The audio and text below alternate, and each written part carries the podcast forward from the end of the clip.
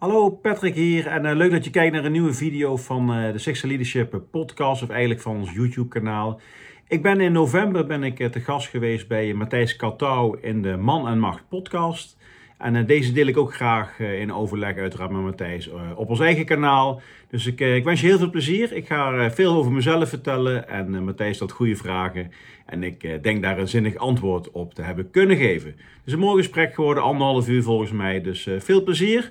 Vind je het leuk? Nou, subscribe dan op, op het kanaal van Sexa Leadership. En breng uiteraard ook een bezoekje aan de podcast eh, van Matthijs. Linkje staat in de beschrijving. En abonneer je ook op zijn kanaal, want Matthijs heeft ook hele mooie gesprekken die hij deelt met mensen die geïnteresseerd zijn in, in persoonlijke groei.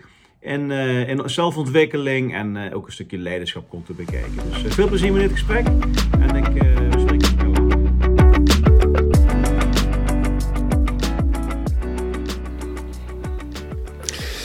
Welkom bij Met Mannenmacht. Dit is alweer aflevering 16 van de podcast en mijn naam is Matthijs Kattouw. In deze aflevering kun je luisteren naar het gesprek wat ik heb gevoerd met Patrick Koopmans. Patrick heeft zo'n 12 jaar gewerkt bij de Defensie. En hij heeft daar uh, in eerste instantie gewerkt als uh, soldaat, als corporaal, uh, manschap zoals hij dat noemt. En later is hij onderofficier geworden. In 2008 heeft hij uiteindelijk Defensie verlaten en daarna is hij binnen het bedrijfsleven aan de slag gegaan. Daarbij heeft hij, eh, zoals hij zelf zegt, veel moeten bijleren en ook veel moeten afleren. Maar dat heeft in ieder geval wel geleid tot een hele coole, unieke combinatie van kennis over leiderschap en teamwork. En het motto wat eh, Patrick daarbij altijd gebruikt heeft is openstaan voor verandering en toch dicht bij jezelf blijven. Voor nu heel veel plezier met deel 1 van mijn gesprek met Patrick Koopmans.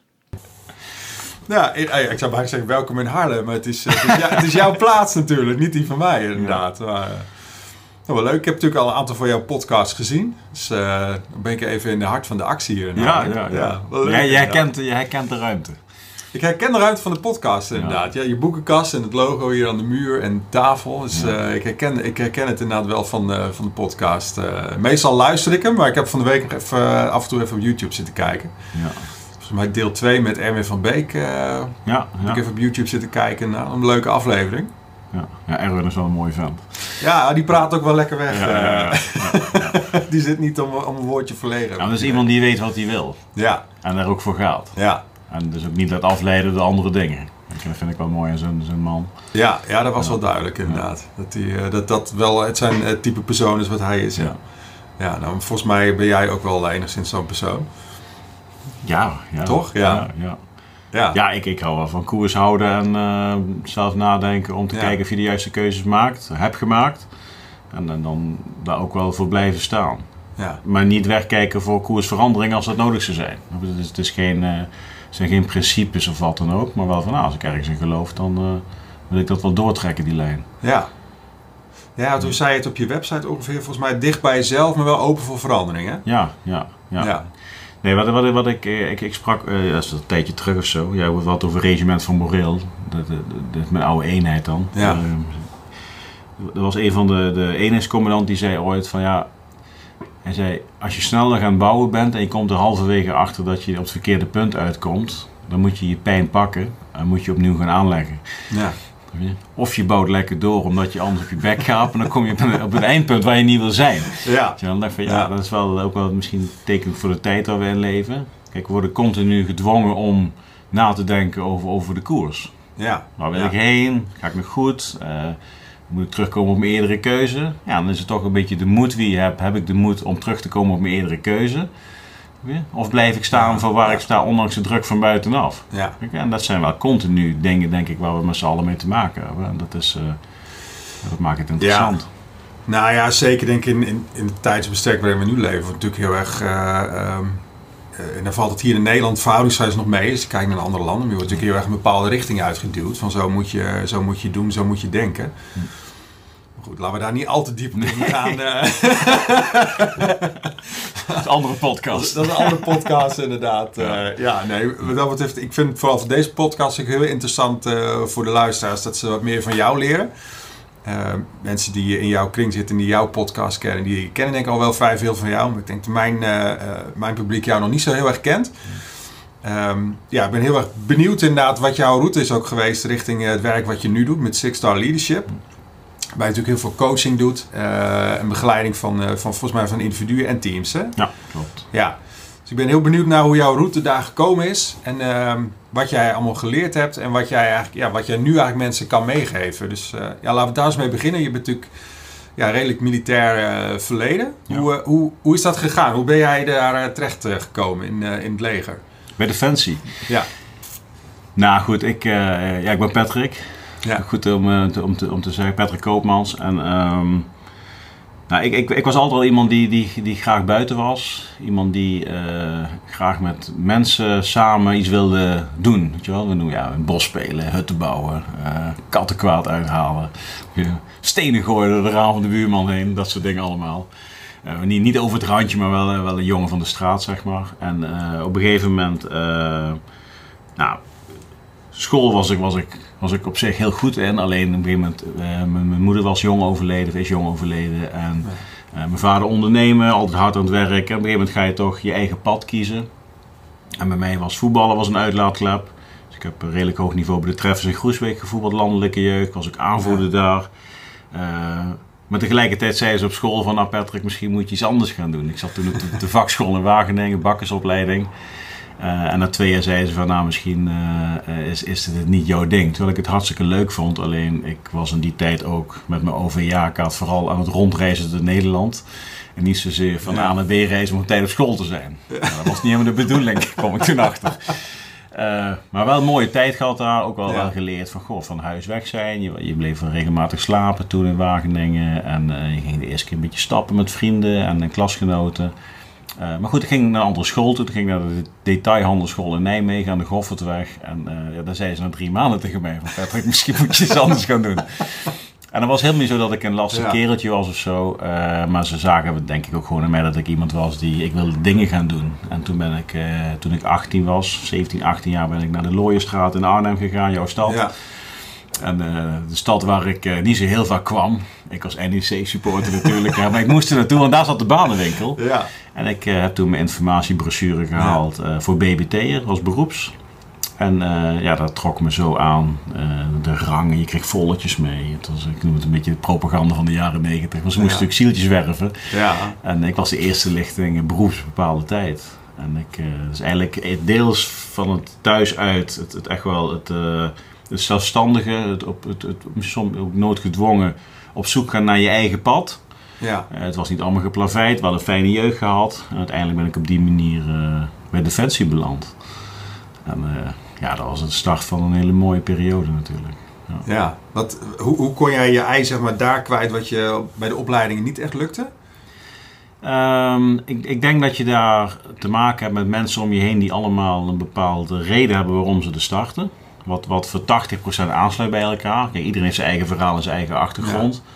Uh, maar voor 80% zijn er jongens en ook een paar meiden in die tijd die uh, ja, lekker op de kazerne, alleen, oefeningen doen samen, afzien, sporten, biertje drinken voor 60 cent, maar de dag erop ook weer uh, hardlopen run doen met z'n allen. Ja. Hetzelfde soort humor.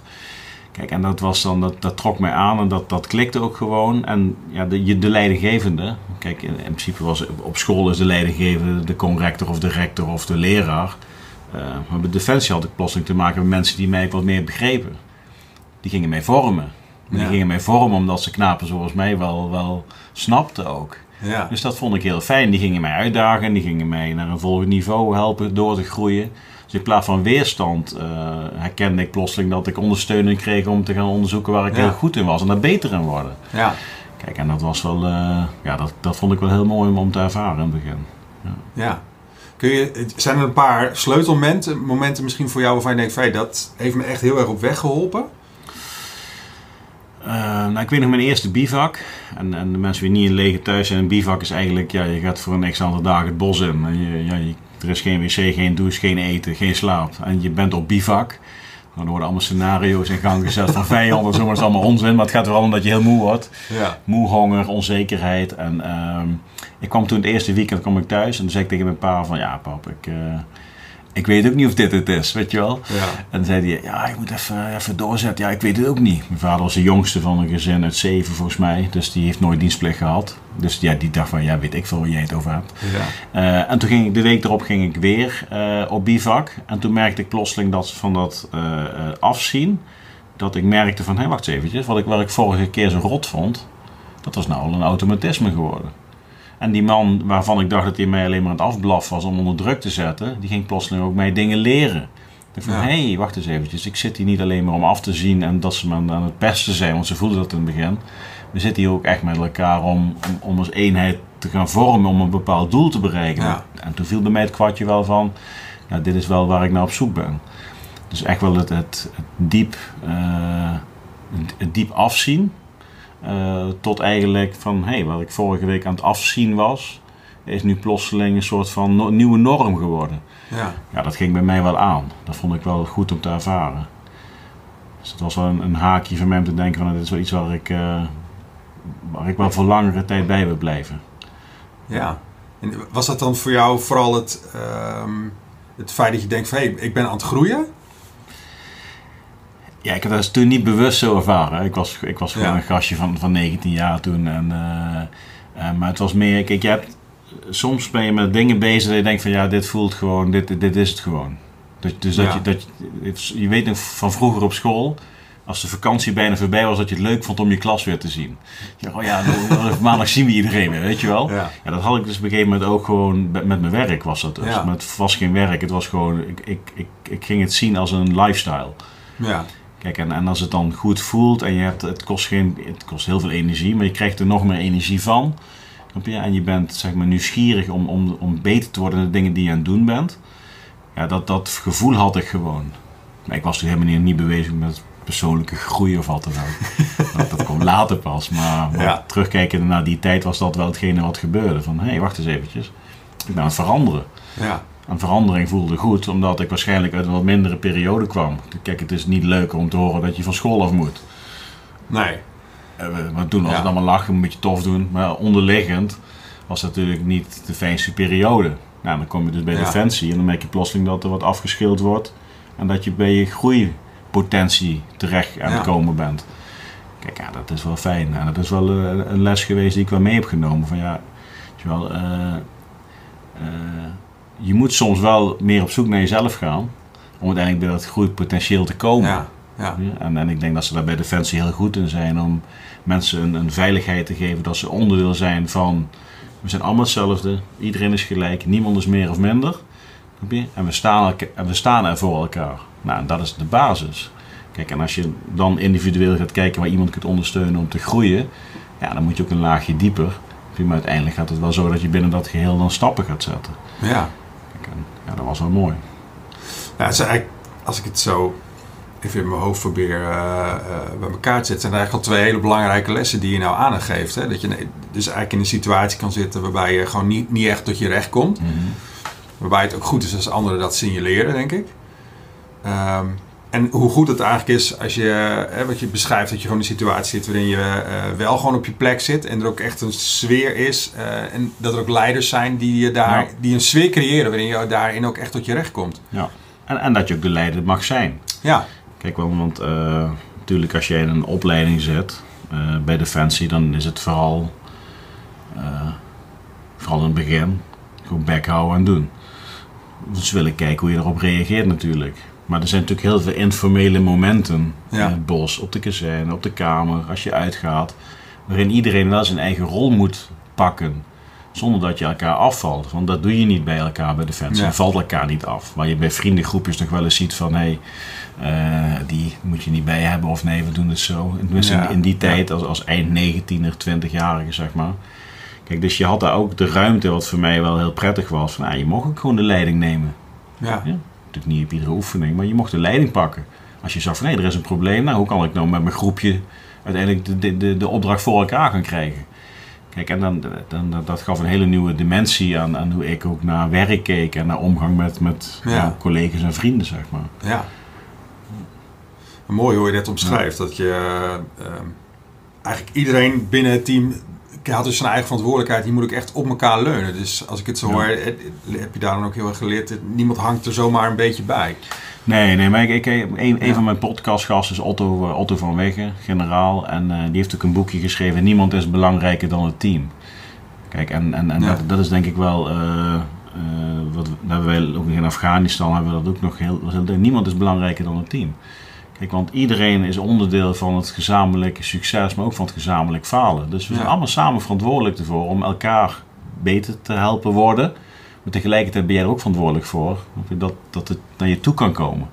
Ja. Kijk, en, en dat is denk ik wel een heel mooi mechanisme wat ze bij Defensie uh, heel goed zijn, heel goed kunnen.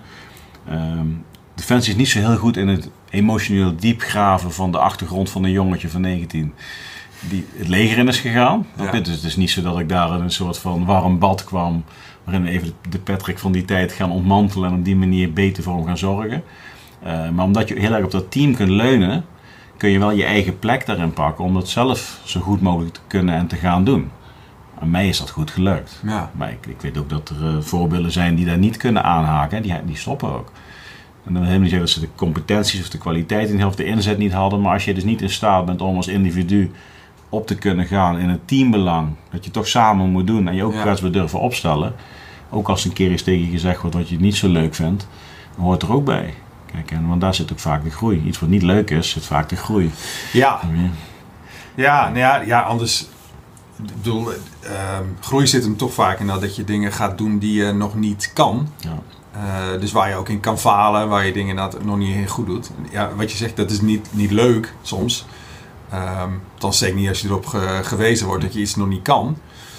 Maar dan zit, ja, anders groei je niet inderdaad. Nee, maar ik denk juist, uh, ja. juist een, een um, zeker, dat is wel defensie wel, defensie aan zich zeg maar, met hoe ze met teams werken. Uh, hoe zo kijk je nou nog steeds naar een team. Kijk, je, je moet oordeelloos tegen elkaar kunnen zeggen wat jij denkt en ziet. Wat die ander ermee doet, is aan hem of haar. Tegelijkertijd, degene wie ontvangt, uh, moet daar serieus naar kijken en luisteren. Maar wat hij of zij ermee doet, is aan hem of haar. Ja. Als het maar allebei het doel dient van het team. En daar moet je blindelings op kunnen vertrouwen. Dat degene wie het zendt en degene wie het ontvangt er op zijn manier naar kijkt. Hoe het team er beter van kan worden. Kijk, en ik denk dat daar Defensie heel sterk is. Ik heb daar feedback sessies mee gemaakt en daar lussen de honden geen brood van. Maar is gewoon direct. Ja. Dit zag ik, dit gebeurde er en dit vind ik gewoon niet fijn. Oké, okay, ja. Mea culpa. Ik zal het volgende keer anders doen. Goed ja. dat je het aangeeft. Ja. Je kunt ook op een andere manier een beetje, ander, een beetje eromheen lullen. Een beetje, nee, dit is het. Ja. Dit is het, punt. Weet je wel? Ja. Kijk, en als je van elkaar weet dat dat de reden is waarom je het op die manier vertelt om beter te worden, ja, dan is dat helemaal niet erg natuurlijk. Alleen nee. voordat je daar bent, heb je wel een paar jaar lange opleiding met elkaar nodig. En dat is dan de vorming die je met elkaar doormaakt. Ja. Ja, je moet het dan ook echt wel op elkaar op kunnen vertrouwen en dat dat erachter ligt natuurlijk. Dat je het allemaal doet 100%. Uh, om, team om echt voor, om ervoor te zorgen dat je als team beter wordt. Ja, 100%. En als ja. dat vertrouwen niet 100% is, dan moet je daar eerst aan gaan werken. Ja. Want je kunt, niet, je kunt niet hebben dat je in een missie zit waarin je in situaties komt waarin je dat blindelings vertrouwen, blind vertrouwen nodig hebt om, om, dat, om echt te overleven, dat dat twijfel is. Je moet dan gewoon ervan uit kunnen gaan dat degene die mij dat zegt, dat doet, vanuit de allerbeste intentie die hij maar kan verzinnen. Ja. Om mij en het team te dienen. En is dat twijfel, ja, dan moet je even stappen terug gaan. Want dan had je daar nog niet moeten zijn met dat gezelschap. Ja. Het gaat natuurlijk niet vanzelf. Dat is... Uh... Nee, nee. En, en zeg maar, als je... Uh, als je dan even terugkijkt op de tijd. En hoe, hoe, hoe lang duurt het normaal gesproken dan dat je dan zo met elkaar vertrouwd bent in zo'n team dat dat, dat dat werkt? Dat dat lukt? Um, nou, je hebt bij Defensie je een eerste militaire opleiding, dat is drie maanden, dat is algemeen. Dus daar zit zeg maar de, ik noem het even de infanterist die met zijn, uh, met zijn geweer het bos rent. En de, de, busje, de chauffeur van een, uh, van een vrachtwagen. Dus dit, twee totaal verschillende DNA's, maar dat is dan even militair algemeen. Ja. Die gaan uiteindelijk spatten die uit naar hun eigen eenheden. Waar ze dus echt wel bij het DNA komen waar ze graag bij willen horen. Nou, hier heb ik een gevechtsclub, heb ik een ondersteunende club, GNK, geneeskundige dienst. Het zijn hele andere type militairen. Uh, maar ik denk dat je wel een jaar nodig hebt voordat je bij zo'n eenheid wel echt helemaal meedraait. Ja. Zeg maar. Want je komt bij een groep mensen die er misschien al jaren samen zit. Dan kom jij bij. Ja. Dus zie het als een bedrijf waar iedereen al 30 jaar werkt. En je, voor het eerst sinds 30 jaar kom jij daar als nieuweling bij. Ja. Welke functie dan ook. Stel je eens voor. Hoe kijken ze naar jou? Wat ga, wat, wat ga jij doen om erbij te horen? Ja. Ja, dat heeft tijd nodig. Dus dan moet je samen dingen mee gaan maken. Dan moet je samen, ja, dan moet je gewoon eh, het, het pad aangaan, zeg maar. Maar ik zeg altijd, Ja. van, eh, je hebt als echt een team, dan ben je een jaar verder. Ja, ik kan me goed voorstellen. Ja, ik, ik, ik kan natuurlijk alleen het, vanuit het bedrijfsleven eh, zeggen. Ik heb zelf niet in het leger gezeten. Dus dan merk je denk ik ook over het algemeen wat minder heftige dingen met elkaar mee, eh, Mhm. vermoed ik. Ik bedoel, eh, ik, ik ben in het bedrijfsleven nooit, nooit op bivak geweest. Nee.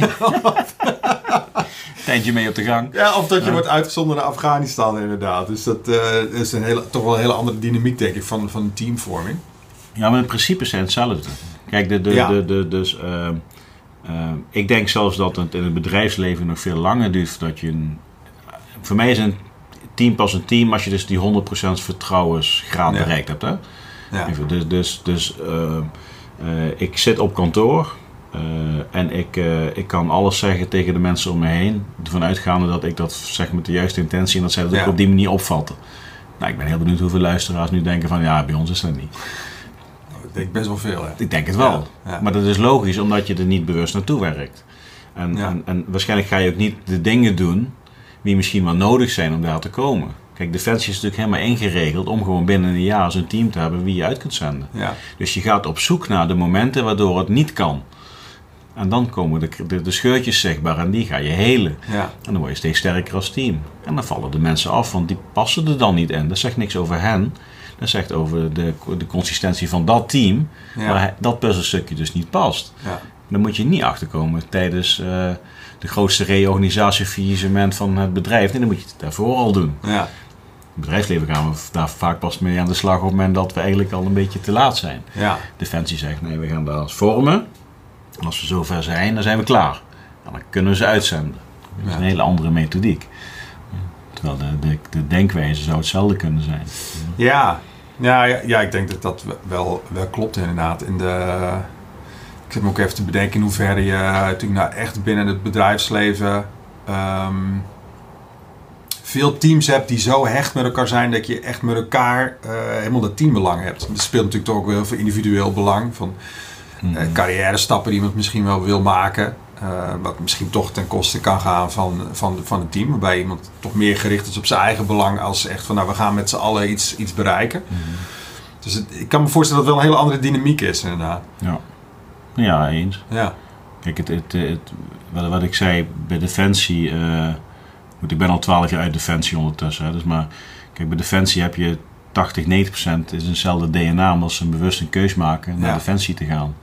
Kijk, op de vloer, in het bedrijfsleven, heeft ieder individu zijn eigen motivatie waarom hij dat doet waar hij iedere dag voor opstaat. ja, De een doet het omdat hij dan zijn hobby kan bekostigen.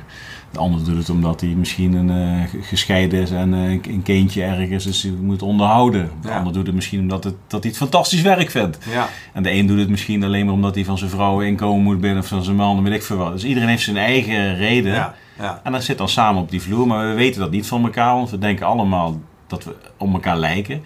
Dus wat jij Ja. als normaal beschouwt, zal die ander ook wel zo vinden. ja. En we komen nooit echt tot de diepte van, goh, hé, waarom, waarom, waarom doe je eigenlijk wat je doet? Ja, ik, Ja. Ben, eh, ik doe modelspoortjes bouwen en ik heb daar gewoon, ja, deze baan die zorgt me dat ik dat, die, die hobby kan uitoefenen. ja. En met zo iemand zul je heel anders in een gesprek gaan over bepaalde opdracht die je wil uitvoeren, dan iemand die hem in de materie zit. ja. Die misschien een beetje een stukje aandeelhouder is van zo'n organisatie en die zit er heel anders in. Ja, samen moet je doen. ja. Hoe ga je dat aanvliegen? Twee soldaten zijn twee soldaten. Vind je het leuk om in de regen gesminkt in het bos te rennen? Ik, Huh? moet, ik moet er niet aan denken. Nee, maar dus, dus, dus, Ja. is heel anders. Ja. De basis is al heel anders. Ja? Dus de basis bij Defensie begint al bij de poort. Kijk, dus eigenlijk zou je in het bedrijfsleven, de, de poort is een sollicitatieprocedure. Waar moet iemand bij ons aan voldoen? Ja, we- ongeveer weten we het wel. Hè? Ja, nee, wij zijn transparant, een beetje normen en waarden, allemaal prima. En eh, ja, goede kerel, haal maar binnen. Maar wat is echt datgene wat zo iemand bij ons komt doen? ja. Waar moet iemand aan voldoen? Kijk, het bedrijfsleven gaat er veel sneller in om. Waarom? Ja, anders haalt de concurrenten misschien weg. Dus ze moeten wel snel handelen nu. ja. Sla je misschien wel twee, drie stappen over.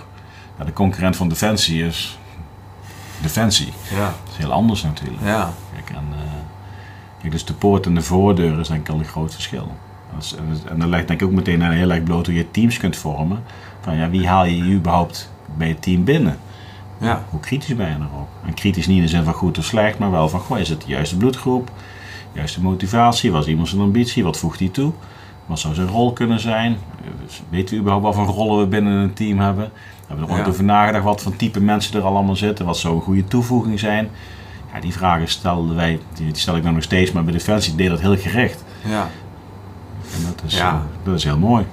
Ja, die zijn wel echt wel hele interessante thema's inderdaad. Die, uh, die, die, kunnen we straks denk ik iets meer pakken. Want ik vind het heel interessant, maar dan ga ik ook nog even iets meer nog naar, jou, uh, naar jouw route bij, bij, bij Defensie. Ik zei net leger, dus zei jij defensie, hè? Dus voor mij is oh, het dan verkeerd, of niet? het leger. Het leger, nee, dat wel goed, joh. Nee, ik weet, ja, het leger, ja, nee, dat is verschil. Ja. ja. Want hoe lang heb jij in totaal uh, bij Defensie gezeten? Twaalf jaar. Twaalf jaar. Ja. Wat, uh, wat, wat, is jouw route een beetje geweest in die twaalf jaar? Wat, welke, welke stap heb je daarin gezet?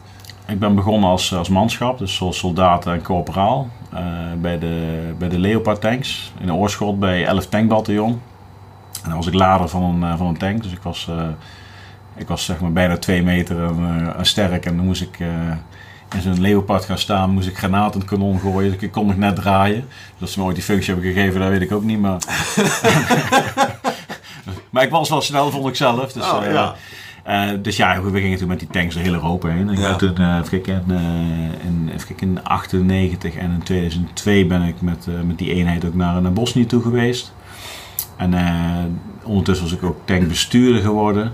We zeggen geen chauffeur. Ik heb vrachtwagenchauffeurs en een tank is een bestuurder. En, uh, en, toen ben ik daarna naar de militaire school gaan onderofficier. Ben ik de onderofficiersopleiding gaan doen. Uh, groepscommandant geworden. En toen, toen heb ik me eigenlijk, ben ik bij de verkennis gegaan. Dus eigenlijk minder voertuigwerk, veel meer rugzak om en lopen. En veel waarnemen, onder de grond zetten. wat meer het, het, het, ja, meer, wat het meer afzien, zeg maar. En in 2007 ben ik naar Afghanistan gegaan, naar Oeruzgan, met die club.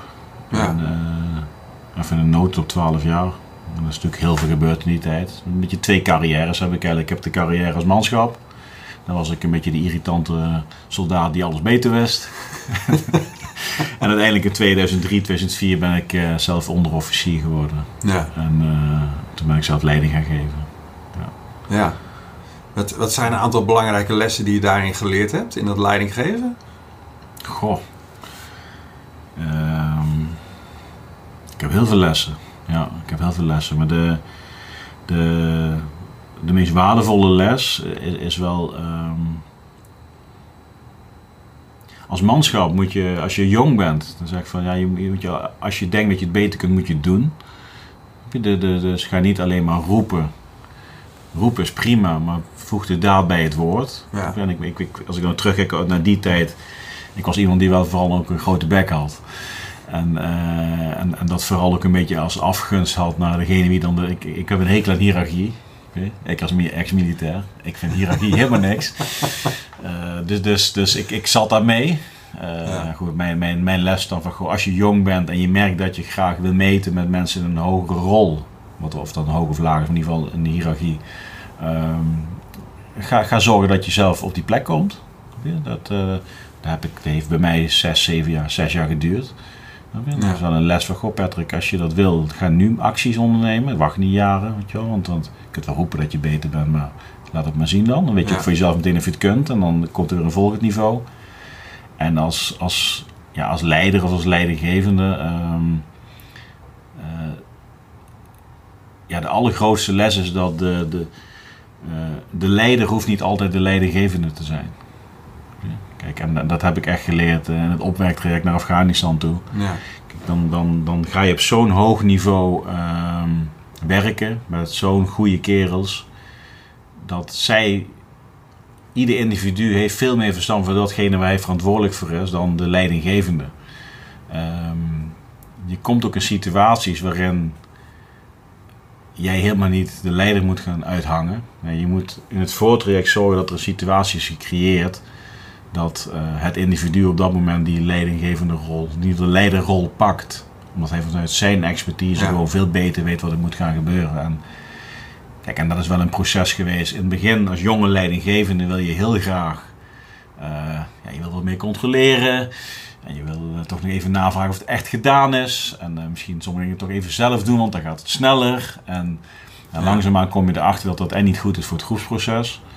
en dat je eigenlijk talent en competentie een beetje aan het, aan het downsizen bent omdat ze, je het toch wel doet. Uh, en ik kwam er op een gegeven moment achter, het liep gewoon niet lekker met mijn groep. Uh, ik was iemand die, ik legde de lat heel erg hoog en ik was alleen maar het eisen en ik was het aan het opblazen eigenlijk. En op een gegeven moment voelde ik ook, we waren in Groningen in Marnehuizen, dat is een oefendorp. Uh, waarin je leert hoe je huizen moet beveiligen, huizen moet ja, veiligstellen zeg maar, van vijand. Dus echt maar met drills aan het oefenen een gegeven moment ging het iedereen, een aantal gingen gewoon hun eigen ding doen. Goede kerels, weet je wel. En ik dacht van ja, dit is niet goed. Dit, dit klopt hier is niet. Dus dan heb ik gezegd van jongens, stop de oefening. We gaan even rustig zitten, afhangen. Dus ja. spulletjes neergezet. En uh, ik zeg van jongens, wat is er aan de hand? Ik zeg, dit, dit gaat niet goed, weet je wel. Wat, wat, wat doen we verkeerd? Wat doe ik verkeerd? Nou, toen, toen, toen, toen kreeg ik het te horen wat er allemaal dus verkeerd ging. En dacht ja, dat is wel, uh, dit is dus een stukje wat ik mis dit stukje mis ik in dit team. Ja. Ja, je zegt alles voor. Ja, maar het is nooit goed. Weet je wel? Dat is de gebruikelijke feedback. En waarschijnlijk vonden ze mij 80% een hele goede leidinggevende. Alleen die 20% uh, eh, die hadden we wel nodig om mijn eigen lat te halen. Ja. Kijk, en zij willen waarschijnlijk ook hun lat halen die we samengesteld hadden. Ja. Kijk, en, en vanaf dat moment uh, zijn we veel meer gaan kijken, goh, wat voegt iemand toe en dan kun je dat maximaal benutten. Ja. En dan moet je als leider leidinggevende moet je soms eventjes een meer dienende rol oppakken, zodat de ander kan excelleren. Ja, dat heb ik geleerd daar. Dat is, uh, en dat heeft ons later in Afghanistan ook geholpen om de dingen te kunnen doen die we gedaan hebben. Maar dat is wel voor mij de meest waardevolle les die ik, die ik eigenlijk in 12 jaar tijd Defensie heb meegenomen. Ja. ja. Nou, wel uh, pittig, lijkt me, als je dat zo te horen krijgt van je team ook. Is heel pittig, ja. ja. ja en, ik heb, ik, en ik heb later heb ik. Um, op een gegeven moment toen ik eens in het bedrijfsleven zat, uh, clashte ik uh, ook uh, soms met mijn opdrachtgevers, zeg maar. Omdat ik ben gewoon heel gedreven, dus ik wil gewoon, ja. ik, ik, ik streef dan iets na en dan, terwijl ik al heel veel geleerd had natuurlijk vanuit die periode. Ehm, toen heb ik al die jongens een mail gestuurd van, wat vonden jullie destijds, hoe vonden jullie mij als leidinggevende? En schroom niet om ook de mindere dingen op te noemen. Ik wil dat gewoon nog een keer van ze horen. Van, goh, hoe hebben jullie mij ervaren? Want ik had dat nodig op dat moment, zes jaar later in het bedrijfsleven weer. En toen kreeg ik weer dingen, weet je wel. Maar ja, ik, ik, Had, dat, ik, had dat, ik, ik moest dat onder ogen zien. Oké, wat kan ik anders doen? Ja. En, uh, dus je vooral ook die spiegel voorhouden van de mensen waarin je denkt dat je ja, erboven staat of zo. Ik denk dat dat het is. Ja, kijk, het is Kijk, als leidinggevende sta jij in principe in de, in, in, in de, ook in het bedrijfsleven, je staat in principe in de lijn een stapje hoger. Want je, je, mag, je mag keuzes maken wie je uitrolt. Dus je, kijk, we kunnen zeggen van nou, we zijn allemaal gelijkwaardig en zo. Nee, prima. Als je, als je in een bedrijf werkt waarin je een leidinggevende rol hebt, hang je boven een groepje. Waarin je dus dingen mag besluiten, dingen mag delen. Wat jongens, dit gaan we zo doen. Um, ja, het traject er naartoe is natuurlijk wel, zijn honderd smaken. Kijk, en uh, ik heb bij Defensie wel geleerd van, nou, directief leiding geven werkt niet. Dan zeggen ze allemaal, hè, Defensie is toch directief leiding geven? Nou, ik heb bij Defensie geleerd, directief leiding geven en denken dat jij het beslist, dat werkt niet. Nee. Dat werkt niet. En, uh, want er zit veel meer in de mens dan, dan, dan je dan met zelf denkt. Kijk, en ik denk dat dat wel... Ik, ik zit naar achter te kijken en ik heb ze aan de muur hangen. Ik ben mijn verhaal verteld terwijl ik naar ze kijk. ja, dat dacht ik al. Ja, dat ja, ja. dat, ja. dat jouw oude team was. Ja. ja. Nee, maar kijk, ja, kijk, dus het is vooral denk ik de, als, als leider, als leidinggevende, gewoon de kwetsbare vragen durven stellen aan de mensen waar je echt de hele dag mee werkt. Dat dat ook wel een hele mooie les is die ik uh, uit Defensie mee heb genomen. Ja. ja. Nou, dat is zeker mooi. Ja. ja. Dat is mooi. En dan krijg je ook de eerlijke antwoorden. Ja. Nou, ik kan me voorstellen dat dat ook wel heel erg gewaardeerd wordt. Dat je op zo'n manier uh, je, je als leider ook gewoon kwetsbaar opstelt. En aangeeft, ik heb jullie gewoon ook echt nodig. Uh, dat je gewoon echt daarin ook aangeeft dat je elkaar nodig hebt. Want zij hebben jou nodig als leidinggever, maar je hebt hun ook nodig om jou van feedback te voorzien. Van hey, hoe kan ik het team beter dienen in die rol? Ja, nee, 100%. Kijk, en, en, ik denk vooral... Ehm, het is een gezamenlijke opdracht. Ja. Dus ze, ze, zijn niet mee aan het helpen om, om het te halen. Kijk, en ik denk dat daar al de eerste... Uh, we horen het misschien allemaal als in het bedrijfsleven, of misschien ook niet, maar ik hoop jongens uh, of meiden help me alsjeblieft, want het is belangrijk dat we dit gaan doen, want dan kan ik daarna ook als ik een meeting heb rapporteren dat we het af hebben. Ja, waarom doe je het dan? Ze, ze moeten jou dus helpen zodat jij een meeting hebt. Dan, dan ga je al verkeerd, weet je wel. Ja. Kijk, en wat daar heel duidelijk was, kijk, we waren dus aan het opwerken voor Oeruzgan in 2007. We hebben uiteindelijk heel veel meegemaakt daar. Maar niemand was belangrijker dan het team. Nee. En ik maakte wel de keuzes als het shit aan de knekken was. Maar al die andere keren deden we het samen. Ja. Kijk, want soms moet je gewoon eventjes, jongens, huisten in de fik, we gaan nu naar binnen, punt. En als je niet mee eens bent, dan praten we er later wel over.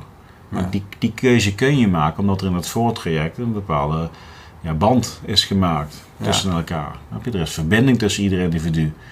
Maar 9 van de 10 keer zeg ik: Hé hey René, uh, maak even een plan, want dit is jouw vakgebied. En dan heb ik daar geen twijfel over of dat het juiste plan is. Nee, dan gaan we kritische vragen stellen aan elkaar. Maar hij is de man dan wie het gaat doen. En dan zeg ik van gewoon, hoe zou je mij willen inzetten in het plan? Nou, misschien Patrick dat jij dan dus en zo, zo doet. Nou, goeie, weet je wel. En dan ga je die actie doen. Op het moment dat we dan tegen de Taliban aanlopen, ja, dan, dan, dan gaat iedereen zijn ding doen. Maar dan zeggen we, jongens, nu gaan we terug, want ik heb hoge net gehoord dat er ondersteuning komt. Ja, dan is het niet meer participatief, dan is het gewoon wel directief. Snap je? Maar je kunt dan directief zijn, omdat je eigenlijk altijd samen aan het werk bent om een opdracht te vervullen. Kijk, en dat maakt het denk ik heel dynamisch en heel waardevol om, om vanuit militaire teams te kijken wat zij in extreme situaties hebben meegemaakt. Hoe je dat gewoon over een, ja, over, over een, uh, elk team heen kunt leggen. Ja. ja. Dus dat zijn wel hele mooie lessen, denk ik. Ja. ja. als je het dan toch over extreme situaties hebt. Hè? Want je zei net, je bent, je bent natuurlijk uitgezonden naar, uh, naar Oeruzgan. Ja. Ehm, wat heeft dat met jou gedaan en, en jouw, jouw, jouw ervaring ook van, van leiderschap en samenwerken in een team?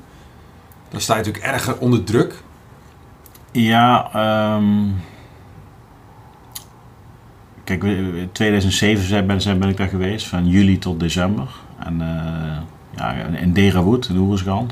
Als mensen googelen van gewoon Derawood 2007, dan, dan, dan zien ze een hoop dingen voorbij komen, denk ik.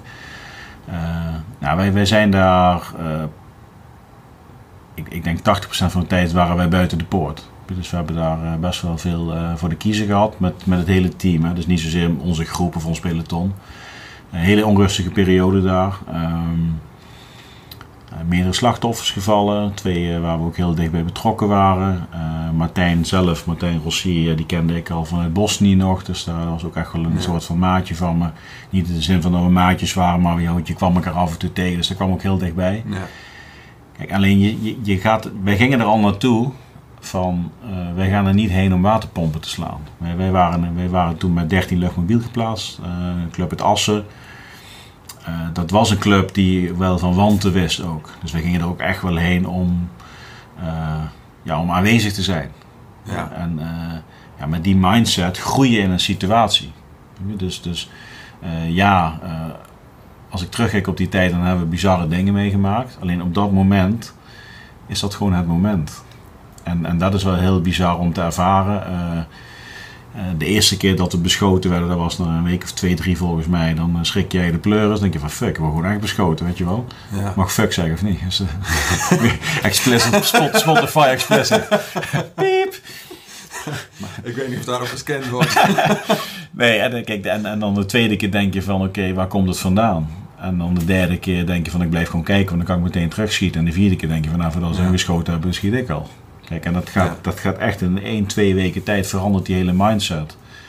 En, en dan, dan ga je eigenlijk van. Um, dan ga je door alle fases heen. Eerst ben je heel erg veiligheid voor jezelf, maar je wil heel snel ook weer die awareness hebben voor het team en voor je groep. Ja. Want je moet wel leiding geven. Je moet kijken hoe iedereen zich gedraagt, hoe mensen reageren. Uh, of niet reageren. Uh, wat zijn de handelingen die ze doen? Klopt het allemaal wat ze aan het doen zijn? Kloppen de dingen die ik zelf doe? Kijk, en, en ja, als je dan als leidinggevende daartussen staat en je ziet dat het klopt, ja, dat maakt je wel heel trots en krachtig. Ja. ja en dankbaar ook. Dankbaar dat je met de knapen bent maar waarmee je bent. En nog steeds heel veel contact mee. Ehm, maar vooral ook van een bevestiging van, ja, kijk, als je dus de juiste dingen doet in het voortraject, kun je daadwerkelijk uh, ja, overstijgende resultaten halen op het moment dat het nodig is. Kijk, en dat is wel, wel mooi, maar dat, wij waren ook wel onderdeel van een grotere club, die allemaal op die manier uh, erin zat, zeg maar. Dus dan zie je omringen met de juiste mensen, uh, goed kijken hoe ze doen, van elkaar leren, rang onafhankelijk, ja, kan zorgen dat je gewoon hele goede dingen kunt doen. Neem niet weg dat er ook gewoon mensen gesneuveld zijn. Ja. Kijk, en dan, dan, ja, dat is heel surrealistisch. Dat, dat kan ik eigenlijk niet, dat kun je wel beschrijven, maar dat is, ja, dan staat de tijd even stil. Dat is gewoon zo. Maar de actie gaat door. Ja. En, en, dat is ook wel vaak wat je, wat je ziet. Uh, ik, ik kwam terug in Nederland uh, in december. Ja, je gaat letterlijk van de ene uiterste naar het andere uiterste toe. Kijk, en, en ik, ik, heb dat heel, ik heb dat heel goed kunnen, kunnen verwerken, zeg maar verwerken. Ehm, maar ik denk nog wel eens terug van, goh, wat, wat zitten we toch heel dicht bij het gewoon schieten op iemand. Of hier op straat naar de Albert Heijn gaan. Ja. Er zit letterlijk twee weken tussen. Zo snel kunnen wij omschakelen als mensen als je in een omgeving bent waar dat van je gevraagd wordt. Ja. Kijk, en dat is wel iets wat we ook wel eens bijgebleven van ja, je moet altijd heel goed opletten naar elkaar. Uh, of nou in het bedrijfsleven, bij Defensie of wat dan ook. Je let op elkaar. En, uh, want dingen kunnen ook heel snel anders gaan. Kijk, en, uh, kijk, die gasten waren allemaal gemiddeld 20 jaar hè, toen we daar waren. Dat is ook super jong. Dat zijn jongens die dan 19, 20 jaar zijn. Die lopen daar met hun eigen wapens, hun eigen opdracht. Lopen daar de oorlogsgan heen. Ja, dat zijn wel... zo bizar Dat zijn wel klusjes, hè? Ja.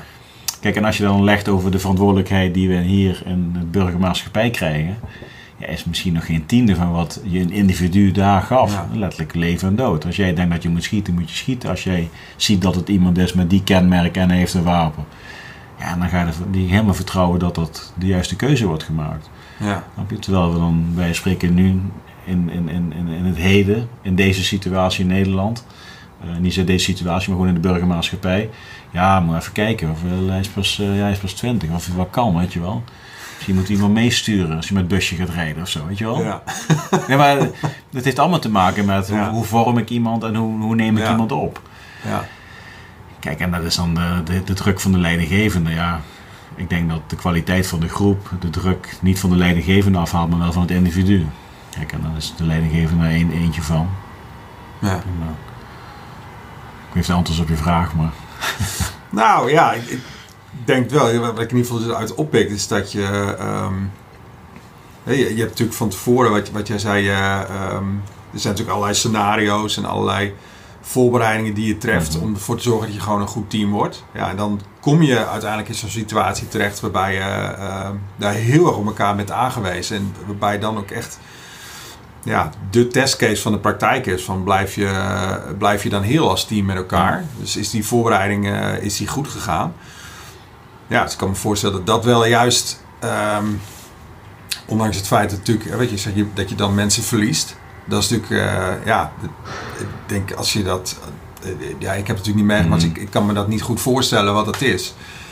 Um, dat lijkt me inderdaad wel best wel heel erg moeilijk um, om dat zo in je mee, werk mee te maken. Aan de andere kant, denk ik, als je gewoon dan merkt dat je als team op elkaar uh, echt kan bouwen. Ik kan me voorstellen dat dat wel juist een element is waar je dan heel veel voldoening uit haalt. Ja. Nou ja, nee, mee eens. Ja. Kijk, ik denk als je als individu in een geheel staat, dan is zoiets veel zwaarder. Kijk, en ja, goed, je, ziet, je ziet hier ook die twee helmen liggen. Ja. Kijk, uh, ik, ik, ik, ben daar, ik heb daar een inslag op mijn helm gehad. Ja. Kijk, en daar zit ik een verhaal aan vooraf. Um, we, we, we, lopen daar met onze groep lopen een patrouille. En uh, ja, je hebt daar van die leme muurtjes heb je daar die van modder gemaakt zijn. Je hebt dan die kwala's, die, die vierkante huisjes met je beeldschetsen. Maisvelden, wietvelden, dat is een beetje de, de vallei daar. Ja. En wij lopen patrouille en uh, de eerste twee personen die gaan over dat muurtje heen. En ik loop er als derde achteraan. En achter mij nog een stuk of acht, negen mensen of zo. Dat was onze groep. En nou goed, wij lopen letterlijk tegen de Taliban aan. Dus ik denk 15 meter afstand tussen hun en tussen ons. Ja. En uh, zij beginnen maar op ons te schieten. En wij beginnen maar op hun te schieten. En, uh, dus wij waren helemaal omringd, want zij willen onze, onze hele eenheid willen zij vanaf de flank aanvallen. Alleen wij liepen helemaal aan de flank. Dus ze hadden ons nooit verwacht daar. En zij ons ook niet. En uh, dus op een gegeven moment, die, de drill is dus van, nou, de voorste twee die moeten dus op een gegeven moment uh, loslaten. Die gaan weer terug het muurtje over, terwijl de, de, de kogels om ons heen fluiten en uh, granaten worden gegooid. En het is één grote ellende. En uh, op een gegeven moment roepen ze, Koopmans, Patrick, jij kunt, weet je wel. Dus, ja, dus ik spring ook op, ik tijger terug naar het muurtje en ik spring het muurtje over en mijn helm valt af. Dus ik zeg, fuck, weet je wel. Dus ik zeg tegen een van die jongens van mijn groep, ook een Arnhemmer trouwens. en ik zeg, kijk, en op dat moment was dus mijn hele groep, was, of onze groep was dus zeg maar ontplooid. Dus echt een beetje zo'n halve ronde gemaakt om de vijand aan de rechtse kant te, gewoon af te houden, zeg maar. En ik zeg, ik ga mijn helm halen. Die wat, je bent gek. nee, ik ga mijn helm halen, zeg ik tegen hem. Dus ik zeg, vuur maar gewoon die kant uit, flink, flink dekkingsvuur. Ik zeg, want ik, ik ga terug. Dus ik spring die muren over terwijl die kogels fluiten. Dus ik tijger naar mijn helm toe en ik ga weer terug. Ik zet die helm op mijn kop, weet je wel. Uiteindelijk uh, hebben we daar nog een half uurtje uh, lopen knokken. Uh, ja, de, de, weerstand werd te hoog. een van de jongens was ik kwijt. Ja, dus ja, ik moest keuzes maken. Dus ik heb toen besloten, nou, als hij daar is, dan komt hij wel terug. was mijn onderbuikgevoel. Wij moeten die kant naar links toe terug naar onze eigen groep, onze eigen eenheid, om uiteindelijk hier uh, levend uit te komen. Want onze radioverbindingen waren kapot, ze wisten niet waar we zaten. Dus werd ondertussen van twee kanten over ons heen gevuurd. Gelukkig zagen wij de later die jongen weer terug, wie we kwijt hadden van onze groep, weer gewoon tussen de kwala's in, zeg maar. Waar we nog we steeds onder vuur lagen. Maar dan krijg je het initiatief langzaamaan. Dan komt er op een gegeven moment, een half uur, komt er een Apache aan. En, uh, maar goed, een half jaartje later ga ik dus mijn spullen inleveren. En uh, zegt de fourier, zeg maar de distributieman van de spulletjes, waar je dan je spullen in gaat leveren op het moment dat je het leger uitgaat, het leger, defensie verlaat. Hij zegt, je hebt een inschot. Ik zeg, wat? Zeg, je hebt een inschot op je helm gehad. Ik zeg, oké. Dus die heb ik hier, die mocht ik houden. Uh, toen dacht ik van, ja, iets zei mij van, je moet je helm halen. En, en, en ik weet niet of het zo is, snap je? Maar het, het, mij, ik, ik denk ervan, ja iets zei mij dat ik die helm moest halen. Ik ben dus daar onder de kogels ben ik die helm gaan halen. Ga tegen alle regels in. En ik, ergens in die actie heb ik misschien nog wel een, uh, ricochet op mijn hoofd gehad. Weet je wel, een afgeketst is. Ja. En, uh, ja, dan denk je van ja, dan, dan, dan, klopt alles, weet je wel. Maar dat is wel heftig. Kijk, en uh, toen, ja. toen, heb ik dus ook voor mijn groep heb ik dus, um, ja, de, de Gouden Helm Award gekregen toen ik het leger uitging. Wat is dat? ja, de, ja, die hebben ze zelf verzonnen. Wat zeg je? Het is een, een mooie gouden, goudkleurige helm. Ik, ik, pak hem even. Ik weet niet of die echt goud is. Maar... Nee, nee, nee, nee, dit, is, dit is voor de kijkers. Oh, ja. dit is een gouden helmenwoord. En die ben ik wel heel trots op, want ik, die, kijk, en die, die heb ik dus van de groep gekregen. En daar staat dus op uh, bedankt voor je inzet en fantastisch leiderschap. Ja. Maar dit is dus de groep waarmee we wel toen even op dat kamertje gingen zitten om te evalueren hoe, ja. hoe ruk het ging. Ja. Kijk, en, en dan dus, kijk, oh, daar, rolt hij heen. Kijk, maar dat is dan de les wie je eruit haalt. Kijk, van, van dat moment om de keuze te maken van het voelt niet goed te gaan gesprek, tot zo'n hinderlaag, uh, tot een gouden helmenwoord. Ja. Dat, dat, dat is, daar waren we nooit gekomen als je je niet kwetsbaar opstelt als leidinggevende. Ja. Kijk, en dat is wel denk ik uh, uh, leven en dood. Maar het is dagelijks. Ja. Snap wat ik bedoel? Het, is dus dagelijks dat moment kiezen. Voor stel ik me kwetsbaar op ten dienste van de groep, van het team, van de afdeling, van mijn bedrijf. Of kies ik voor mezelf als leidinggevende?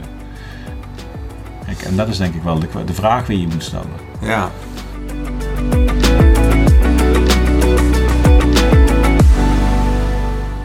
Ik denk wat wel mooi is uit jouw hele um, verhaal tot nu toe, hè, wat je gewoon ook met leger geleerd hebt, is hoe belangrijk de, de route is naar waar je moet komen. Nou, dat je die heel bewust, denk elke dag dan ook weer, wat je nu ook zegt, dat je die, moet, die keuzes moet gaan maken. Zodat je ook weet, uh, ja, ik, ik moet daar uitkomen. Ik moet inderdaad binnen, ik, of ik, we moeten zeg maar een team hebben waarbij je echt op elkaar kan vertrouwen. Dus daar zijn een aantal stappen die van tevoren gezet moeten worden. Dus waar je dan heel methodisch eigenlijk toch mee, mee aan de slag gaat om daar, uh, om daar uit te komen. Ja, want toen was dat nog heel onbewust.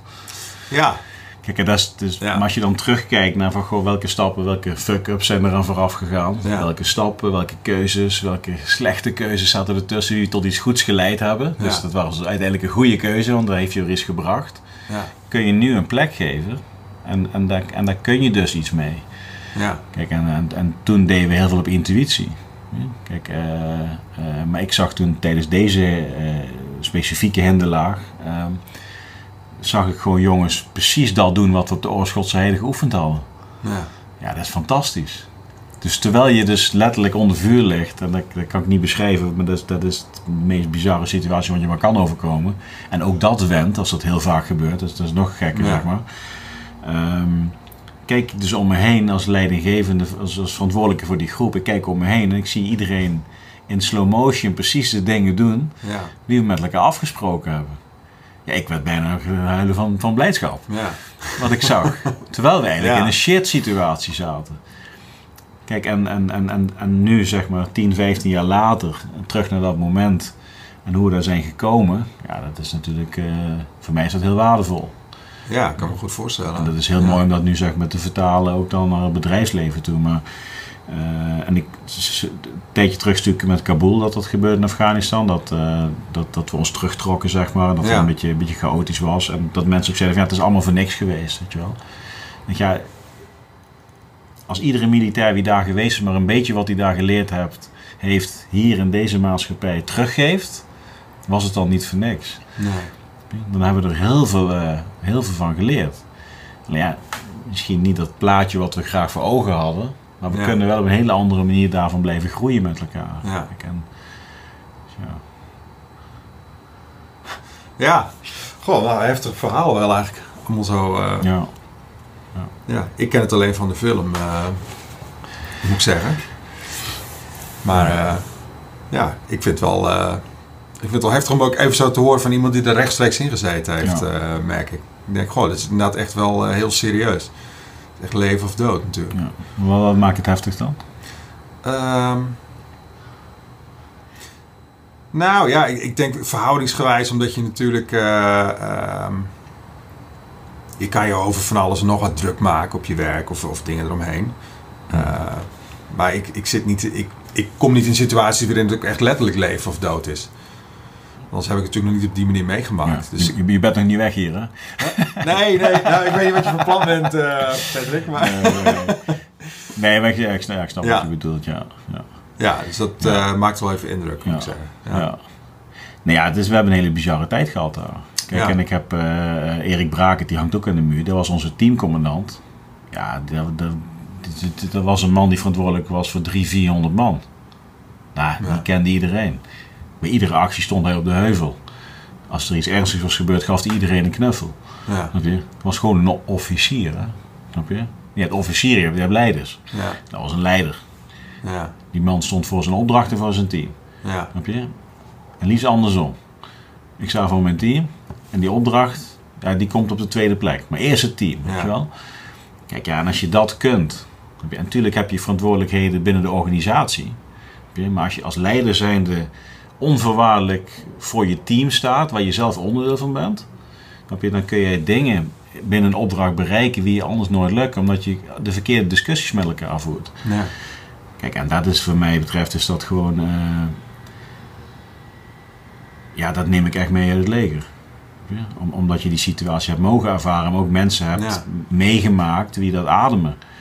Ja, dan neem je toch altijd een stukje, stukje over. Denkt, van, ah, dat vind ik wel mooi, dat kan ik, dat beheers ik nog niet. Weet je wel? Ja. Goh, wat- hij, hij doet het anders dan dat ik verwacht had, terwijl ik dacht hem te kennen. Waarom doet hij dat? Weet je wel? Ja, dat is hele, hele interessante dingen zijn dat. In plaats van iets vinden, dan heb je iets willen ontdekken. Ja, Ja. dat is gewoon rete interessant. Weet je wel? Dat is, eh, Ja, dat komt misschien ook iets meer met de leeftijd, hè? Ja, nee, dat is ook zo. Ja. Maar, maar, maar, maar, maar- en dat is ook wat ik in het begin zei. Van, ja, als jong broekie zou je willen dat je al wat meer op die manier naar de wereld zou kunnen kijken. Ja. Kijk, en eh, dus ja, we zijn al wat ouder ondertussen. Ja, de grijze haartjes, die, eh, die, die zijn al wel zichtbaar, inderdaad. Ja, je bent zo, je bent zo jong en zo oud dat je jezelf voelt, toch? Ja, ik ben gisteren 28 geworden. Ja. nou ja, je, hebt net, je hebt net een marathon gelopen, hè? Ja, dus, klopt. Uh, dat was gisteren, ja. Dus, ja. Uh, ja. Nog spierpijn van. Ja, dat kan ik me goed voorstellen, inderdaad. Ja. Hey, en hoe heb jij uh, uiteindelijk de switch gemaakt vanuit Defensie naar, naar wat je nu doet? Eigenlijk het begeleiden van, van individuen en teams in het bedrijfsleven. Hoe, hoe die switch ontstaan is? Ja. Ja, dat is ook een apart verhaal is dat geweest. Ehm, ik was de, de militair altijd, weet je wel. Dat het ook hoe de mensen om me heen en gewoon thuis, zeg maar. En 2007, 2008, ja, ook bezuinigingen, maar eigenlijk is Defensie altijd bezuinigingen. Ja, ik ken volgens mij niet anders. Nee. zijn dan bezuinigen sinds 45 volgens ja. mij, daarvoor zelfs al. Dus uh, ja. daarom kon ik maar een paar dagen stand houden op de Grebbeberg destijds. Dat is jouw achtertuin, hè, de Grebbeberg. Ja, dat, is, dat, is, dat is vlakbij inderdaad. Ja, ja. ja, Maar goed, dus, dus, dus in, die, in die jaren was er uh, een, een, uitloop van 30, 35-jarigen. Officieren, onderofficieren. Dat ze, dat ze zeg maar de hogere leidinggevenden en, en, en middenkader noem ik het eventjes. Uh, ja, die het bedrijfsleven ingingen. En we hadden toen een, uh, een koffiemomentje met de landmachtadjudant. Dat is de hoogste onderofficier van, van de landmacht. Eigenlijk is dat een soort van ja, een mentor, rol, rol, rolmodel voor de jongere onderofficieren. Uh, voor hun carrièrepad ook. Ja. En wat is de visie van Defensie en waar gaan we naartoe met z'n allen? Dus ik dacht van, nou, ik ga een intelligente vraag stellen, dacht ik. Ik dacht van, nou, goh, wat is het idee van de landmacht? Uh, ja, wat er gebeurt op dit moment, 30, 35 jaar. Ik ben zelf ook in die leeftijd, weet je wel. Uh, net uitzending geweest. Ik, ik merk dat ik aarde in Nederland weer naar een uitzending. Ja, dat is toch een beetje, ja. blijkt lastig te zijn. Want je gaat letterlijk van het allerhoogste geweldspectrum naar ja, iemand die in mijn ogen destijds weinig verstand had van echt vechten. moest mij controleren of ik mijn wapen goed ontladen had op de schietbaan. Ja, ik, ja. het botste in mijn hoofd, zeg maar. Ik dacht, dat klopt niet. Weet je wel, ik word uh, teruggeremd. Ik wilde graag officier worden. Nou, ik had alleen maar MAVO, geen HAVO. Dat was, was ook niet mogelijk. Dus ik had in Afghanistan... Uh, dingen gedaan die op een hoger niveau lagen dan dat ik in Nederland nog kwijt kon. Ja. Dus ik zeg tegen die man, 30, 5, wat is het plan? En hij zegt tegen mij, ja maar Koopmans, jij moet blij zijn wat je hebt, want in, het in de burger ben je helemaal niks. Oké. Okay. dus ik ben toen naar uh, onze escadronscommandant gegaan uh, van, uh, van, van Boreel en ik heb mijn ontslag aangeboden. Ja. En zo ben ik Defensie uitgegaan. Ja. ja. Ik dacht van ja, dan ga ik laten zien dat het wel zo is. Vis ik veel. En uh, ja, goed, bij het eerste gesprekje natuurlijk. Ja, oké, okay, een paar maanden nog, maar dat duurt allemaal, dat was allemaal niks. En toen ben ik, uh, uh, ben ik het bedrijfsleven ingegaan. Ben ik, vond ik iemand op Google of Ilse, ik weet ik veel voor zoekmachine toen was. Dat was iemand die had een recruitmentbureau hier in Hoofddorp. Robert Hammer heette die man en die was cavalerist, officier geweest. En dan had hij op zijn profiel staan. Ik van, oh, ah. die snapt mij. Dat, ja. Weet je wel. Ja. Als iemand het leger begrijpt een beetje, dan weten, snappen ze ook dat je bepaalde dingen hebt gedaan. Want heel, heel eerlijk, je gaf onder situaties wat ik net beschreven heb, gaf je in Afghanistan leiding aan mensen. Uh, meest complexe situaties. Alleen jij, hier was je niet interessant, dacht je. Ja. Dus ik kwam bij hem uit en hij zei van Patrick, ik ken nog wel iemand uh, bij de telefoongids in Eindhoven. Dat is uh, Jeroen Sporenstad. Uh, Jeroen is kleinzoon van generaal Spoor. Die vindt dat wel mooi in militair. dus ik ging, uh, ik, ik, ik, deed mijn, ja, we hebben het dagelijkse nu van Defensie, is een nette pak, gecombineerd met wat burgerkleren. En ik had alles door elkaar heen. Ik dacht, ja, dit is wel fancy, hè? dit, is, dit is wel sollicitatie, oh, mooi. Ja. Met een dikke gouden gesp. En, uh, dus ik ging naar Eindhoven toen. Ik had daar uh, een sollicitatiegesprek. En ik was hartstikke zenuwachtig. Ja. Dus ik dacht ja. En hij had tegen mij gezegd, ja, zeg maar gewoon dat je behoeftegericht kunt verkopen. Ik, ja, ik kan een behoeftegericht verkopen, dacht ik ook wel. En, uh, want je deed dat, je ging advertenties verkopen. Wie toen in de Gouden Gids ja. en telefoongids stonden. En ik werd aangenomen. Dus ik kreeg een, uh, een polootje, een Volkswagen Polo, tankpasje. Ik kreeg een ja. Black, Blackberry met zijn balletje. Ja. Ik was helemaal de koning, hè. Dit is echt helemaal nog van jaren geleden. Ja, ik was Gouden gids, ik was de, Blackberry. Ik was de, ik, was, ik, ik was de koning. Moest toen nog uh, niet MSN, maar was ik alweer.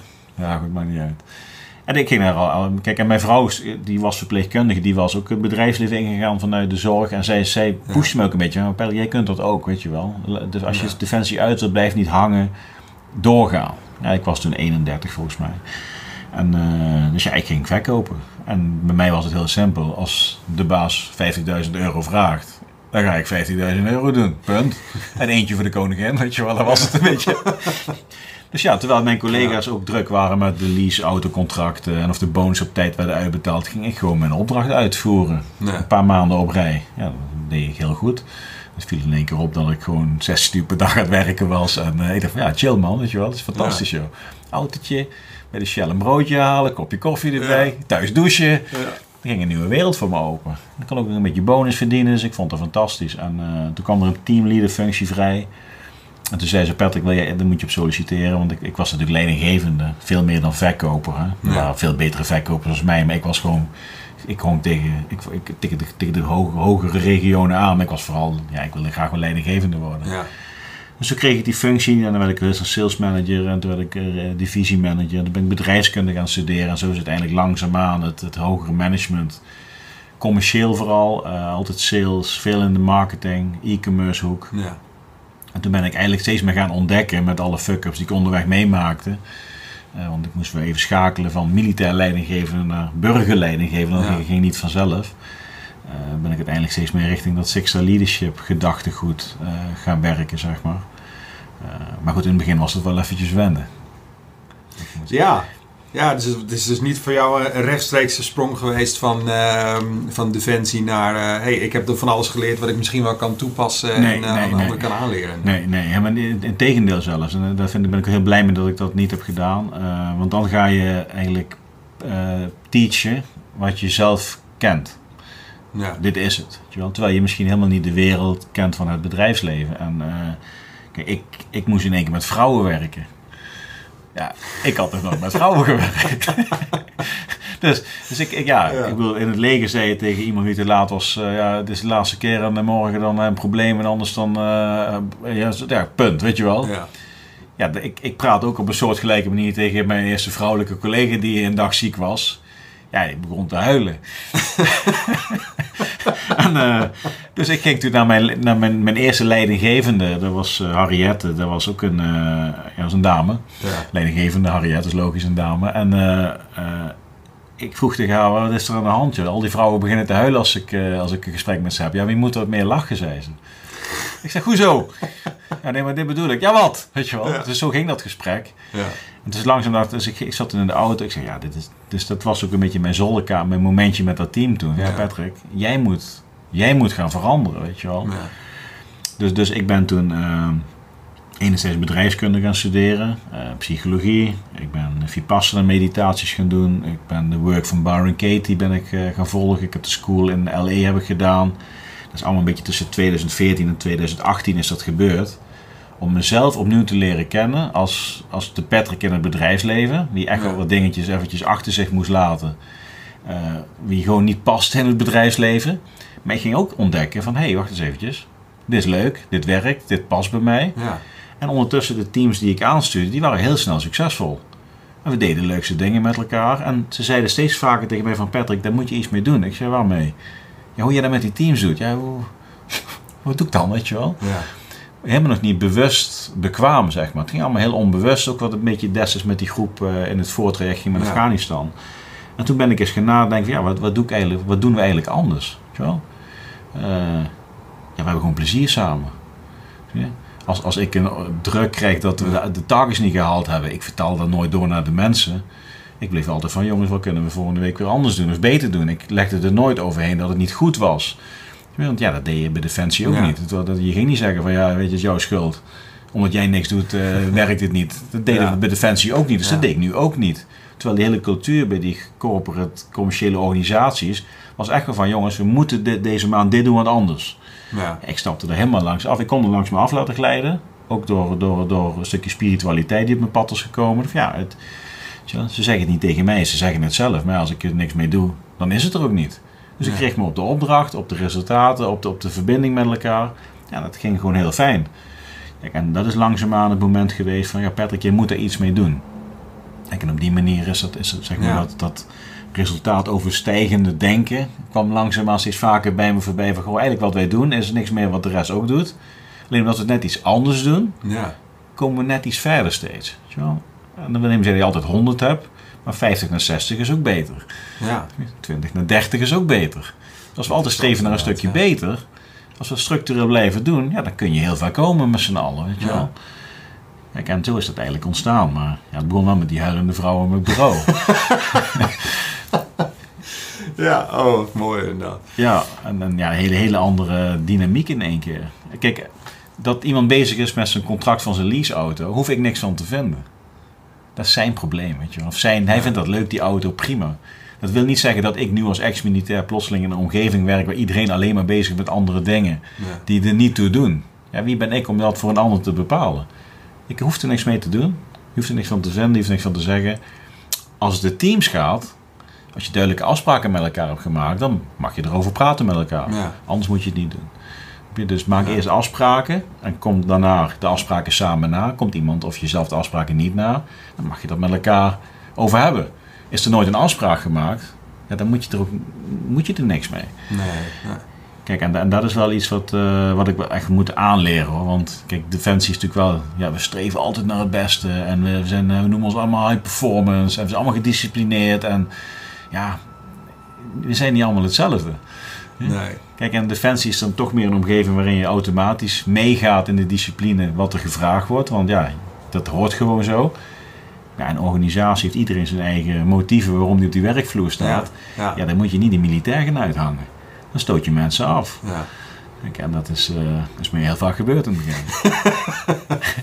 Ja, dus dat, dat valt dan denk ik binnen het blokje wat je ook voor mij op je website omschreven van sommige dingen die je af moest leren richting Ja, nee, bedrijfsleven. 100% joh. Nee, maar ik heb zelfs Ja. mensen gehad die, die s'avonds na kantoortijd stonden ze op de parkeerplaats maar op te wachten.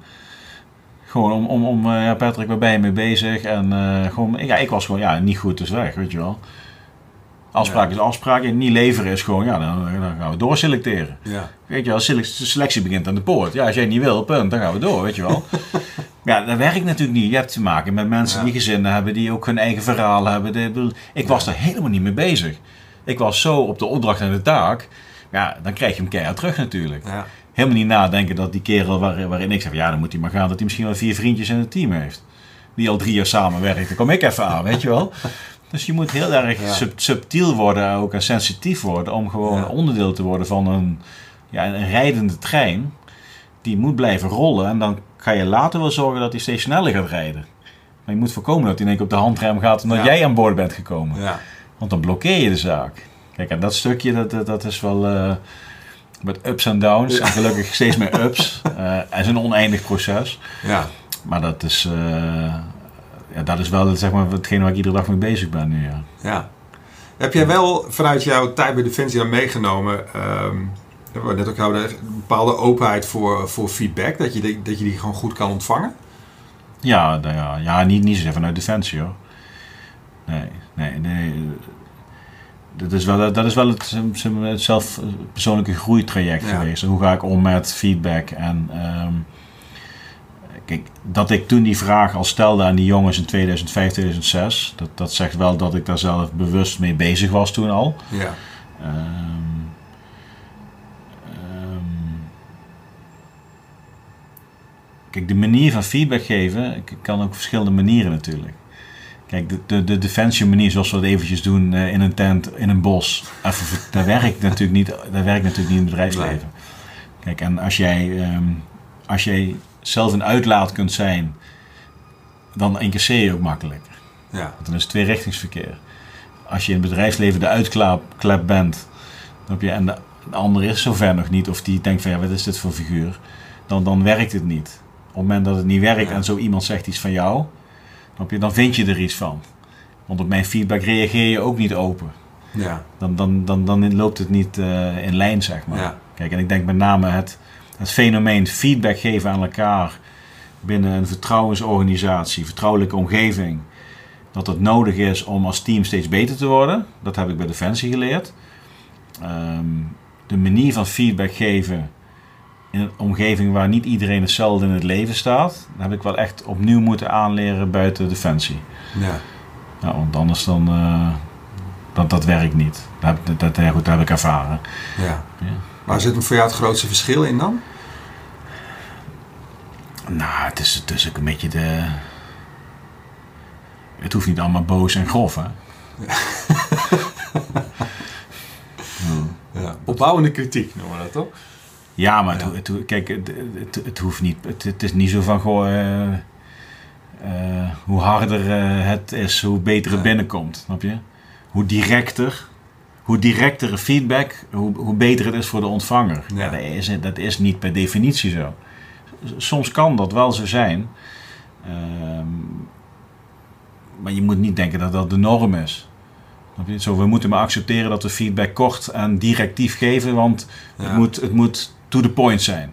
Ja. ja, soms moet het ook niet to the point zijn om tot het punt te komen. Ja. Zeg maar, Engels en Nederlands om elkaar heen. Maar, dus je moet soms misschien juist niet heel kort erop zitten in een bepaalde toon.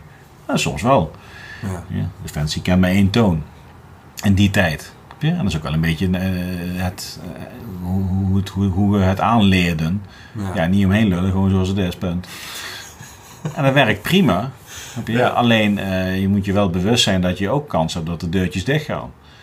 Ja. Hoe zeker weet jij dan dat alles open en eerlijk gedeeld wordt op het moment dat dat de manier is van communiceren? Als je weet dat er ook een reactie gaat komen. Ze zullen allemaal zeggen van ja nee bij ons niet, wij kunnen echt gewoon alles tegen elkaar zeggen. Ja, maar als je weet dat je een bak stront terugkrijgt, weet ik zeker dat je soms een keer een moment denkt van nou laat ik deze maar voorbij gaan. Want ja. kijk en dat wil je voorkomen. Want, want juist dat moment laat maar voorbij gaan, daar zit denk ik, die wil je juist weten. Ja. Kijk, en, uh, ik denk dat dat wel een groot verschil is. Ja. Wat zie jij vaak uh, vanuit, je, vanuit Six Leadership als jij wordt aangehaakt bij, um, uh, bij bedrijven waar wat moet gebeuren met een team? Wat, wat zie je vaak dan fout gaan bij, bij teams? Zit daar een soort van rode draad in van je zegt van hey, daar, daar zit vaak wel de pijnpunten? Ja, niet, niet zozeer fout, want, kijk, want heel veel teams zijn succesvol op de manier zoals ze werken. Dus, dus ik zeg ook altijd van ja, wat jullie doen is prima, uh, is heel goed. We kunnen alleen kijken wat beter kan. Um, kijk, waar, waar, waar, je 9 van de 10 keer uh, een, een gebrek aan hebt, uh, of een gebrek, 9 van de 10 keer is, is men veel te veel taak en taakgericht bezig. Dus, dus, ja. dus um, Kijk, wil jij tot een effectieve taakvervulling komen, of discussies over hoe gaan we bepaalde taken of opdracht invullen, dan moet je eerst wel ook die verbinding met elkaar hebben. Waarin je weet dat je over dezelfde manier praat, dat je frequentie met elkaar hebt. Dat je het leuk vindt om samen ook gewoon keihard aan de slag te gaan. Dat je het ook leuk vindt om tegen de ander te vertellen hoe je dingen ziet. Dat de ander er ook voor open staat, waar we het eigenlijk net ook over hadden. Uh, dat je dat team wil dienen. Ja, dat stukje, dat, dat, dat dat ontbreekt eigenlijk 9 van de 10 keer. Bewust. Dat er bewust gekeken wordt van hoe sterk zijn wij eigenlijk als team. Kijk, we doen heel vaak gewoon ons ding en dat doen we heel goed. Ja. ja prima, weet je wel. Het kan veel beter. Waarom? Nou, omdat je misschien de helft van de dingen die je denkt niet zegt. Ja. En de helft daarvan is waardevol voor het team om te weten. Nou, waarom wordt, waarom wordt dat niet gezegd?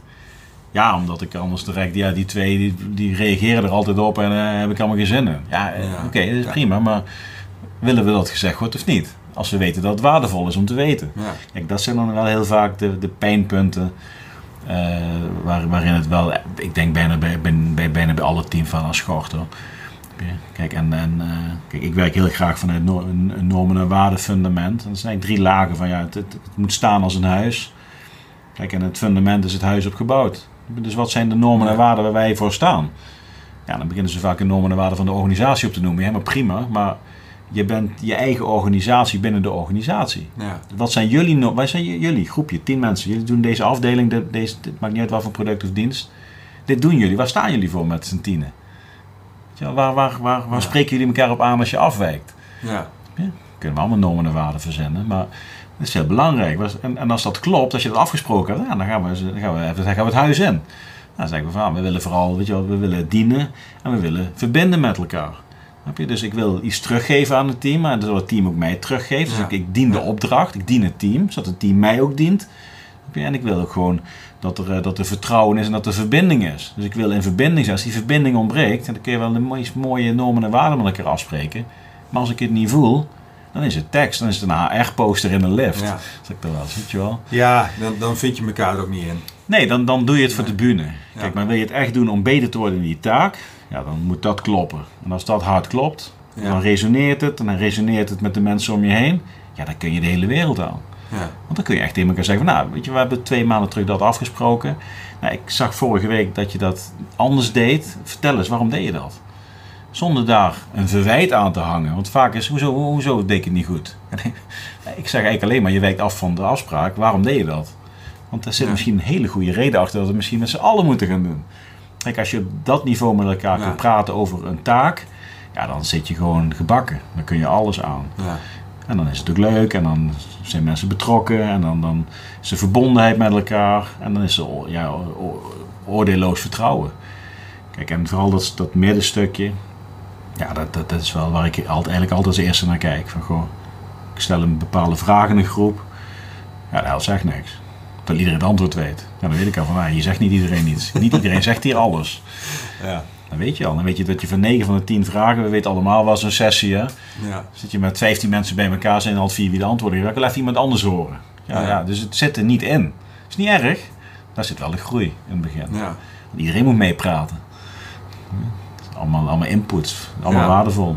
Dus, uh... oh, mooi inderdaad. En, uh, waar, is, zit er een bepaalde lijn in wanneer jullie worden ingevlogen vanuit Six Star Leadership bij bedrijven? Is dat, is dat vaak als het... Uh, voor het gevoel niet helemaal goed gaat? Of is het juist als ze zoiets hebben, hé, hey, ons team gaat lekker, maar we willen dat het nog beter gaat? Nee, dat zijn eigenlijk allemaal bij bedrijven die heel graag meer uh, willen bereiken dan ze nu gedaan hebben. Ja. Dus het is niet zozeer dat er een. een kijk, en vaak gaan mensen er pas over nadenken op het moment dat ze tegen dingen aanlopen, natuurlijk. Dat is, dan gaan de mechanismen vaak ja. pas aan. Kijk, maar je hebt gelukkig heel veel ondernemers die op zoek zijn naar wat kunnen wij beter doen. En dan komen ze ook bij ons uit, onder andere. Ja. Kijk, je hebt verschillende manieren om te kijken naar eh, de performance van je organisatie. Kijk, uh, wij leggen heel erg ehm, dit model wat ik er net uitleggen eroverheen. Gekoppeld aan militaire voorbeelden, maar ook gekoppeld aan voorbeelden in het bedrijfsleven. Waar we ook wat voorbeelden zojuist van hebben besproken. Ja. Kijk, dus, dus, kijk, dus ik praat even in ik-vorm dan, maar we doen met meer mensen. Maar kijk, dus, dus als ik een MT-meeting zie, dan herken ik de dingen die ik zelf waarschijnlijk ook heb meegemaakt. Of dat nou in, in Hoerenschouw was, of die, uh, ja, die botte lul die het op de verkeerde manier dacht over te brengen met al zijn goede bedoelingen. Ja. ja, dan kun je dan wel de dingen uithalen die heel waardevol zijn. Kijk, en dan, dan gaat het er vooral om, ik zeg altijd, ja, als je niet bereid bent om op zoek te gaan naar het volgende niveau, moet je niet bij ons komen. hoe, hoe, hoe, diep je ook in de shit zit. Ja. Dus je moet wel zeggen van oké, weet je, we staan nu hier, wat, wat, kunnen we samen gaan doen om uiteindelijk beter te worden. Ja. En hoe sterk dat samen dan is, ja, dat, dat, dat zal blijken dan, maar ja. dat, is, dat is wel vaak de partijen die bij ons uitkomen. Oh, mooi. Je hebt ook op je shirt mooi staan overstijgen resultaten. Ja. Ja, mooie slogan. Ja, daar ook. Ik heb er, ja. Ja, maar dat is, dat is ook een beetje hoe de naam ontstaan is. Als ik dat mag uitleggen. De ja, naam, ja. ja, graag. Doe kijk, ja, uiteindelijk uh, um, was er een, uh, een, bedrijf die had de, de Five Star Mastermind. En die, die, de, mijn vrouw werkte daarvoor. En ik zeg, heb je die niet vastgelegd, die URL? Ja, Five Star Mastermind. ja, dat is het, weet je wel. En, uh, maar toen dacht ik, van, ik was net bezig met de nieuwe naam. Want ik had eerst Vets in Business, dus veteranen in business, maar dat was veel te veel veteranen gericht. En daar wil ik, ik wil eigenlijk echt vanaf, want ik, ik, ik ben echt een, uh, ik ben een, iemand uit het bedrijfsleven die een militair achtergrond heeft. Ik ben geen militair die in het bedrijfsleven zit. Dus ja. ik zie het echt op die manier. En toen dacht ik, Six Star Leadership. Five Star is vijf sterren. Dus het hoogste haalbare in hotelsterren. Ja. Maar die zesde ster, dat is de overtreffende trap. Dat van, dan maak, ik er, maak ik er Six Star Leadership van. En eigenlijk is dat leiderschap waarin jij vanuit zelfleiderschap... Uh, of vanuit de leidinggevende rol... of als individu binnen het team... Ja, leiderschap vertoont wat zorgt dat je een overstijgend resultaat kunt halen. Kijk, en zo is het uiteindelijk ontstaan. En, uh, en met name ook, het gaat niet om de leider of om de leidinggevende. Het gaat om hoe ieder individu zijn, ja, zijn verantwoordelijkheden pakt binnen dat geheel. Het zijn allemaal, allemaal radertjes die draaien. Nou, als er eentje hapert, valt het niet op. Maar op de lange termijn maakt dat wel het verschil. Ja. Kijk, en wij gaan dan op zoek naar de details ook wel. Dus dat is Six Star. Ja. Mooie naam, hè? Mooie omschrijving van je, van je naam. Er staan er ook drie. Drie boven, drie onder. Ja, zes hè? Totaal zes inderdaad, ja. Heel mooi. Ja. Hey, en, uh, even kijken, maar goed erin, jullie op de website volgens mij, jullie doen de uh, top, top talent, top, uh, wat was het nou mij? Volgens mij top team en, uh, en de mastermind. Hè? Ja, ja, ja. Ja, wat, ja. wat houdt het top talent in? Nou, top talent is, is doen we bij bedrijven um, ja, trajecten van bij voorkeur 12 maanden. Waarin je dus van een bepaalde afdeling, high potentials, of door het hele organisatie heen vanuit verschillende afdelingen high potential samenzet. Die een leidinggevende ambitie hebben of al een leidinggevende rol hebben. En dan gaan we twaalf maanden mee aan de slag om, um, ja, om ze naar een, naar een nieuw, result, nieuw, nieuw niveau te krijgen. Zeg maar. Kijk, en dat doen we met workshops, dat doen we met masterclasses, dat doen we met een aantal evenementen. Waarin we dus mensen uit ons netwerk bij betrekken. Om zeg maar de jonge talenten uh, ja, eigenlijk gewoon een, een ervaring te geven. En dat jij zegt van ja, dit was wel mijn mooiste jaar uh, die ik tot nu toe gehad heb. Ja. Uh, maar ook tegelijkertijd klaar te stomen voor een, voor een volgende leidinggevende rol. Uh, waarin ze op een andere manier van kijken de normen en waarden van de organisatie gaan dienen. Dat is natuurlijk heel belangrijk. En het bedrijf wil best investeren ja. als de normen en waarden en het doel van de organisatie maar garant staat. Echter, we leren ze dan ook zeg maar, normen en waarden op te stellen voor hun eigen team wat weer binnen dat geheel past. Ja. maar. Kijk, en dat is eigenlijk top talent. Dus dat is echt wel een beetje het vormen van jonge leidinggevenden tot, uh, ik zeg al, tot de beste leidinggevende van de organisatie. maar wat is het beste? Daar zit ook geen... Ja. Uh, dus dat, dat is talent, ja. En, en, en, team zijn eigenlijk soortgelijke trajecten, maar dan richten we ons echt op een team. Ja. Dat is dan drie, zes of negen of twaalf maanden net wat we afspreken. Wat, uh, soms is het gewoon ongoing dat ze ons aan een team koppelen, waarin we gewoon één of twee keer in de maand gewoon met, met teams meedraaien. Um, ja, en dan leren we ze eigenlijk vooral op commercieel niveau kijken van goed, hoe kun jij je team in gaan richten, wat zijn de structuren, wat is de communicatie onderling, maar het hart blijft hetzelfde. Dus je kunt er heel erg op structuur en salesgesprekken en, en opvolgen van CRM-systemen, hartstikke mooi, het is allemaal taak. Maar wij kijken dan, oké, hoe functioneert dit team een niveautje lager tot, tot het fundament, zeg maar. En dan helpen we ze dan mee. En dan zitten we ook echt in company. En dan kijken we ook gewoon mee van, oké, wat is de context van dit team? Je, waarin kunnen wij aan dit bepaalde dingen gaan draaien, zodat de, eigenlijk de, de output van dat team eigenlijk vrij snel omhoog kan gaan. Voor de lange termijn ook, want je gaat vormen. Je gaat geen trucjes leren. Je ziet vaak wel trucjes gaan leren. Ja, we hebben een mooi handboek. Als je dit doet, dan. Ja, wij proberen het individu te vormen zodat hij een onderdeel wordt van het team. Ja. En dat team moet dan naar een hoger niveau gaan. Kijk, en als je een team binnen, op een hoger niveau acteert binnen een organisatie, dan zal het hele organisatie zal zich daar kunnen gaan optrekken. Dan kijken we altijd naar een grote plaatje. Ja, een oh, mooi doel. Ja, mooi doel. Ja. ja. Iets voor jullie. Nee. Ja. nou ja, het moet wel vanuit. Uh, ik neem aan, zijn het meestal de. Wie, wie meldt het zeg maar vaak aan bij jullie? Zijn bijvoorbeeld mensen vanuit het team die denken: hé, hey, uh, ik ga mijn leiding geven. Is die kant nou, uitduwen van: hé, dit, ik zou, dit zou wel eens mooi zijn? Nou, het zijn, het zijn, vaak wel de leidinggevenden die, die ons wel contacten. Ja. ja. Het zijn vaak leidinggevenden. Maar goed, kijk, de leidinggevende hoort signalen uit zijn team. Kijk, maar het, team kan ook gewoon een managementteam zijn. Hè? Ja. Wat, wat gewoon samen op een ander niveau wil gaan nadenken over leiderschap. En hoe zij dat kunnen implementeren in de diverse afdelingen. Ja. Het zijn natuurlijk heel content-wise zijn het hele verschillende trajecten. Ja. Ja. Maar gedachtenwijs zijn ze, zijn ze identiek. Want het, het is overal hetzelfde namelijk. Wij zijn niet van de dure woorden. dus, dat is toch wat directe weer, hè? Nee, ja, je kunt wel een mooie, mooie, mooie termen aanhangen. Ja. Maar het is heel simpel. Uh, die dien je organisatie aan elkaar. We hebben verbinding, heb vertrouwen. En dan gaan we daarna weer kijken hoe we bepaalde taken naar een hoog niveau kunnen krijgen. Ja. Ja, want we zitten vooral graag in een Excel-sheet en de rest vergeten we. Ja, dat proberen wij om te draaien. Ja. Of in een notendop. En dat, is, uh, en dat werkt. Dus, ja. ja. Oh, mooi. En de, eh, even kijken, de mastermind, volgens mij zijn jullie daar net mee bezig, hè? Ja, daar gaan we in januari de eerste groep mee starten. Ja. Daar heb ik nog twee plaatsen beschikbaar voor, dus uh, daarna dan zitten we helemaal vol.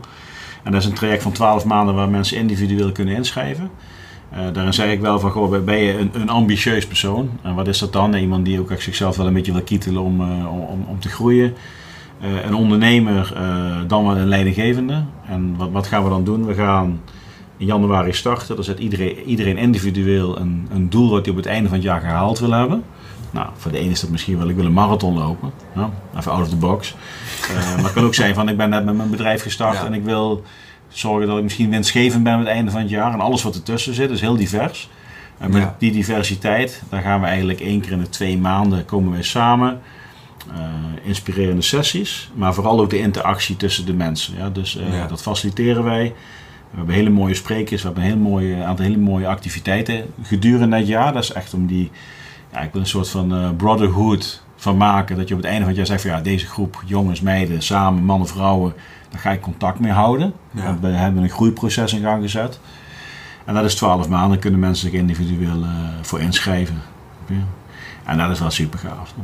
Ja. Dat is gewoon heel leuk. Want dan, dan zijn er mensen die heel bewust de keus maken van nou, ik ga 12 maanden lang, ik commit me aan een groep en aan een, aan een traject. En ik, eh, ik weet gewoon dat ik op het einde van het jaar dat doel gehaald heb. Kijk, en, Ja. en dat is gewoon heel erg leuk. Ja. We gaan. Dus dit wordt de eerste keer dat jullie het gaan doen. ja, eh. ja. ja. Speciale prijs, dus eh, mensen die willen meegaan. nou ja, er zijn nog twee plekjes. Dus Twee plekjes, moet ja. snel Ja, zijn, ja, denk ik. En hoeveel mensen doen in totaal mee met... eh, In totaal worden het een groep van zeven mensen. Ja, dus Ja. ik heb al vijf aanmeldingen. En eh, ik wil maximaal zeven, want met mijzelf erbij dan eh, zitten we op acht. Dus we hebben altijd een even aantal. En, Ja. dus je gaat ook gewoon buddyparen krijgen of drietallen. En Ja. dan ga je gewoon samen dingen doen.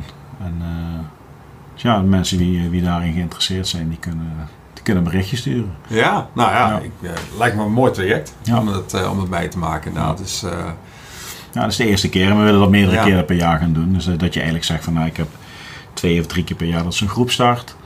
Nou, uiteindelijk eh, eh, heb je dan meerdere mensen die in die trajecten zitten. Nou, dan kun je op een gegeven moment zien van nee, ik heb daar iemand zitten die een bepaalde achtergrond heeft waar hij naar op zoek is. Nou, dan kun je weer koppelen aan Ja. elkaar. Zo creëer je ook een netwerk van mensen die in bepaalde materie geïnteresseerd zijn.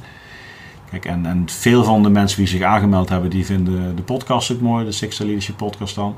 En ja, die herkennen zich wel in de verhalen van de gasten. Kijk, en Ja. dat zal ook wel de rode draad worden van waar wij over gaan praten met z'n allen. Ja, en mensen ja. zeggen, ja, dat vind ik wel mooi, vind ik interessant, daar kan ik me aan optrekken. Ja, dan is het wel een mooi programma om, eh, om mee te doen. Kijk, het belangrijkste is dat ik een leuk jaar heb. Hè. Ik, vind het, ja, maar ik vind het super leuk om te organiseren. Dan. Ja. Ik, ik hou ervan, ik vind het zo gaaf ja. sprekers erbij, locaties, weet je, wat, wat, spannende dingen doen en het koppelen, het verbinden, weet je wel. Ik vind dat echt, eh, dat vind ik super gaaf. Is misschien wel mijn favoriet om te doen, zo'n mastermind. Oh ja, je gezicht begint ook helemaal op te lichten als je praat. inderdaad. ja, nu van de Ja, maar, ja, het maar het is gewoon leuk. Kijk, even voor, kijk, Ja. ik, ga nou met, met elke mastermind die zich al aangemeld heeft. ehm, die krijgt een, eh, een heel mooi assessment krijg je eerst. Eh, best wel... eh, Best wel mooi, best wel een heel mooi assessment over personality assessment. Nou, Ja. Ga ik met iedereen, ga ik lunchen.